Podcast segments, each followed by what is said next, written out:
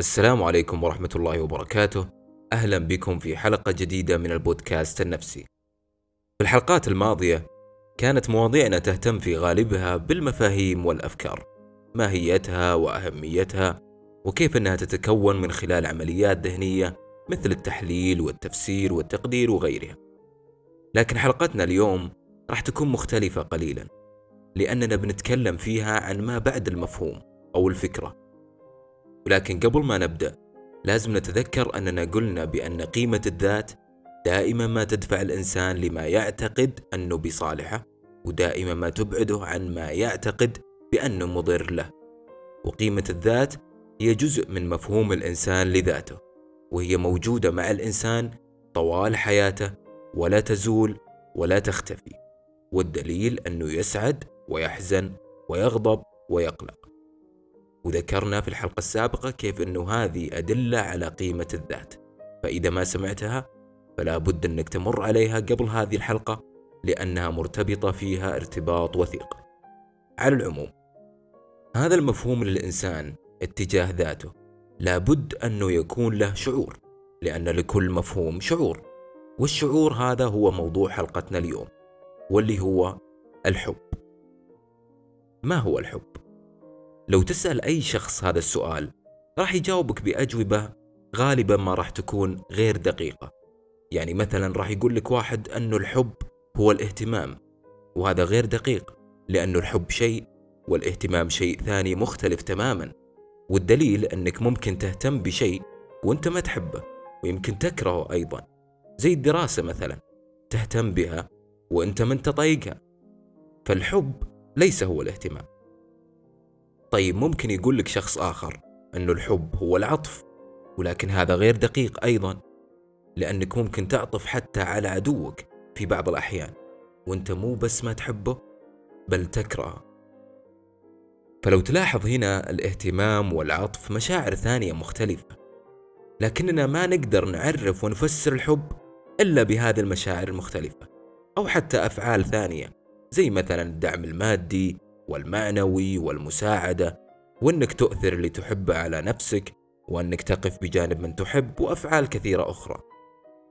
طيب ممكن تقول أنه الحب إذا هو هذه الأمور اللي ذكرناها كلها مع بعض. إذا جمعناها يتكون لنا الحب. ولكن هذا أيضا غير دقيق لأنك ممكن تفعل كل هذه الأمور لشخص وأنت ما تحبه. والسبب قد يكون لأجل دينك أو لأجل أخلاقك السامية مثلا فما هو شرط أنك تهتم وتساعد وتقف بجانب الشخص اللي تحبه فقط طيب ما هو الحل؟ كيف نعرف الحب؟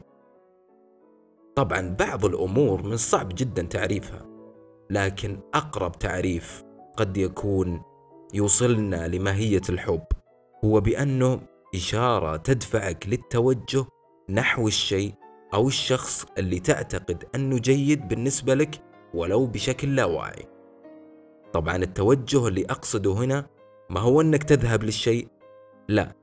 التوجه اللي أقصده أنك توجه له المشاعر أو الأفعال اللي تعتقد أنها جيدة، سواء أنك تذهب له أو تشتريه أو إذا كان شخص تبوسه أو تضمه أو تجلس معاه لفترات طويلة أو حتى ممكن العكس تتركه إذا حسيت أنك تضايقه أو حتى ممكن تضربه.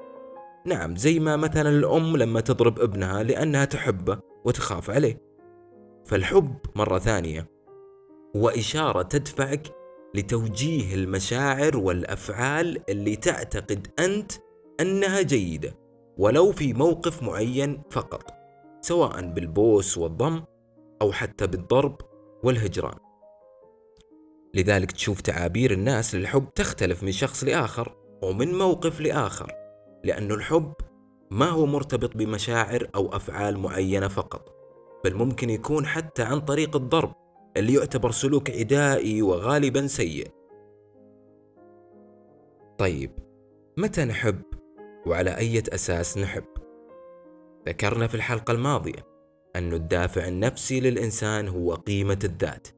فالإنسان يندفع للأمور اللي يعتقد أنها جيدة وتنفعه لأنه قيم اتجاه ذاته ويبتعد عن الأمور اللي يعتقد أنها سيئة وتضرة لأن نقيم اتجاه ذاته. فبالتالي يكون الإنسان محب لذاته لأنه انطبق عليه تعريف الحب اللي ذكرناه. فوجه المشاعر والأفعال اللي يعتقد بأنها جيدة لذاته فبالتالي هو محب لذاته. وعلى هذا الأساس الإنسان يحب الناس اللي يعتقد بأنهم جيدين بالنسبة له هو والأشياء اللي يعتقد بأنها جيدة بالنسبة له هو. ومن يبدأ يزول اعتقاده بأن الناس أو الأشياء أصبحت غير جيدة بالنسبة له أو غير مفيدة حسب تقديره يزول هذا الحب. لأن الحب هو شعور. والشعور ناتج عن مفهومك للأشياء. فإذا كان مفهومك جيد حسب تقديرك للشيء تحبه وإذا كان سيء بالنسبة لك ما تحبه بكل بساطة. بس لازم تكون صادق مع نفسك شوي وتدقق في الأسباب وراح تكتشف هذا الشيء. وراح تجد أنه ممكن سبب صغير أو تافه خلاك تحب شيء معين أو تكرهه. فالحب يعتمد على تقديرك للأشياء فيما إذا كانت جيدة أو سيئة وتقديرك للأشياء يعتمد على مصلحتك منها أو مضرتك. بمعنى أن حب الذات هو أساس حبك للناس والأشياء من حولك. فبناء على حبك لذاتك تحب الأمور اللي تنفعك وما تحب الأمور اللي تضرك حسب تقديرك. طبعا أكيد أنه في أشياء تحبها يمكن ما تشوف فيها فائدة مباشرة. زي مثلا أنا أحب اللون الأزرق. بس وين فايدتي بحبي هذا؟ الفائدة هنا ما تكون شرط باللون نفسه لكن ما يمثله اللون بالنسبة لك. مثلا السماء البحر أو الماء بشكل عام أو أسباب ثانية يمكن ما تكون معروفة. فيتكون حبي للون الأزرق بسبب ارتباطه بهذه الأسباب بدون وعي مني. فما هو كل شيء تحبه يكون بسبب فائدة مباشرة. ممكن يكون بسبب ارتباطه بأشياء عندك باللاوعي خلتك تحب هذا الشيء وأنت ما تدري عن السبب. الحب بشكل عام هو أب لجميع المشاعر اللي تشعر بها. كيف؟ لما تخاف مثلا فأنت ما تخاف إلا على نفسك لأنك تحبها أو لأجل شيء آخر أنت تحبه. ولما تغضب فأنت أيضا تغضب لأجل نفسك اللي تحبها أو لأجل شيء آخر أنت تحبه. وهكذا. تتحمس للأشياء اللي تحبها تسعد للأشياء اللي تحبها تقلق على الأشياء اللي تحبها. فالأساس هو الحب أولا ومن ثم بقية مشاعرك المختلفة ومن بعد ذلك أفعالك اللي تختارها في النهاية. فالحب هو أول شعور ينتج لك بعد المفهوم مباشرة أو أيضا الكره. ففي البداية يتكون المفهوم اللي يقرر شعورك بالحب أو الكره ومن ثم بقية مشاعرك. وكل هذه المشاعر هي لأجلك في الأخير بناء على تقديرك لما هو جيد وما هو سيء. طبعا الحب له أنواع مختلفة زي ما هو معروف. فحسب مفهومك للشيء وفائدته العائدة منه يتكون لك شعور معين بالحب. فحبك لوالديك مثلا مختلف عن حبك لأصدقائك خاصة حبك لزوجك أو زوجتك أو حبيبك أو حبيبتك. تجده مميز عن باقي أنواع الحب لأنه في إضافة مميزة واللي هي قبولك الجنسي للطرف الثاني. والدليل أنه الرجل السوي ما يحب رجل زيه هذا النوع من الحب ولا المرأة السوية تحب مرأة زيها إلا إذا بدأت تحس بالقبول الجنسي. بعد ذلك تبدأ تشعر بمشاعر هذا النوع من الحب. وهذا السبب اللي يخلي الحب في بداية العلاقة قوي جدا لأن القبول الجنسي عالي إلى ما يبدأ يخف هذا القبول أو الرغبة مع المعاشرة فيبدأ يتغير نوع الحب. ما هو شرط يزول ولكن يتغير نوعه. وتلاحظ حتى أن نوع العلاقة تغير بعض الشيء. وهذا أمر طبيعي والمفروض أنه ما في داعي أن الإنسان يخاف أو يقلق منه. طبعا قوة الحب وضعفه تعتمد على حاجة الإنسان بالشخص أو الشيء اللي يحتاجه.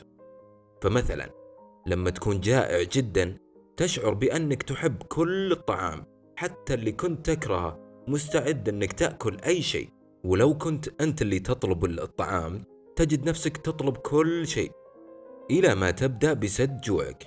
بعد ذلك تبدأ تشعر بأن حبك للطعام خف جدا. حتى إذا شبعت للغاية تجد نفسك تشعر بأنك تكره الأكل وإذا رأيته تشعر بالغثيان لأن حاجتك له زالت فبالتالي شعورك اتجاهه بالحب زال. ونفس الطريقة تجاه كل شيء.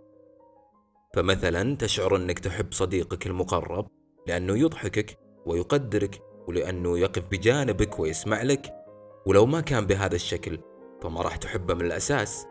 فدائما الحاجة أو الفائدة والمصلحة اللي تعود لك هي سبب حبك للشخص أو الشيء. ويزود الحب مع زيادة الفائدة وينقص مع نقصان الفائدة اللي قد تكون غير واعي بها أنت. وهذا يعني أنه ما في شيء اسمه حب غير مشروط. واللي ما يعرف الحب الغير مشروط فالمقصود به هو الحب اللي بدون شروط وأسباب وفوائد. وهذا غير موجود إطلاقا ومستحيل لأنه حتى حبك لأمك هو مشروط بأنها أمك أنت حتى ولو كانت تعنفك أو غيره. طيب نجي الآن لفوائد ما ذكرنا. أول فائدة هي أن الإنسان دائما مدفوع من قبل قيمته الذاتية العالية اللي تخليه يشعر بمشاعر جيدة ويشعر بمشاعر سيئة وبالتالي فشعور هذا المفهوم في ذهنه يحتم عليه بأنه يكون محب لذاته دائما وأبدا. ولا يمكن للإنسان أن يكره ذاته. يمكن يكره صفة أو قدرة معينة أو يكره حاله أو يكره وضعه اللي يعيش فيه. وهذا دليل آخر أنه يحب ذاته لأنه لو يكره ذاته بالفعل فليش يكره صفاته السيئة؟ وليش يكره وضعه السيء حسب تقديره؟ إلا أنه يحب ذاته ويريد الأفضل لذاته حتى ولو بدون وعي تام منه. الفائدة الثانية هي أن الحب هو أساس لمشاعرك الأخرى فسعادتك وفرحك وخوفك وقلقك وغضبك وتعاستك هي كلها لأجل حبك لذاتك وللأشياء والأشخاص اللي تحبه. فأولا الحب ومن ثم بقية المشاعر.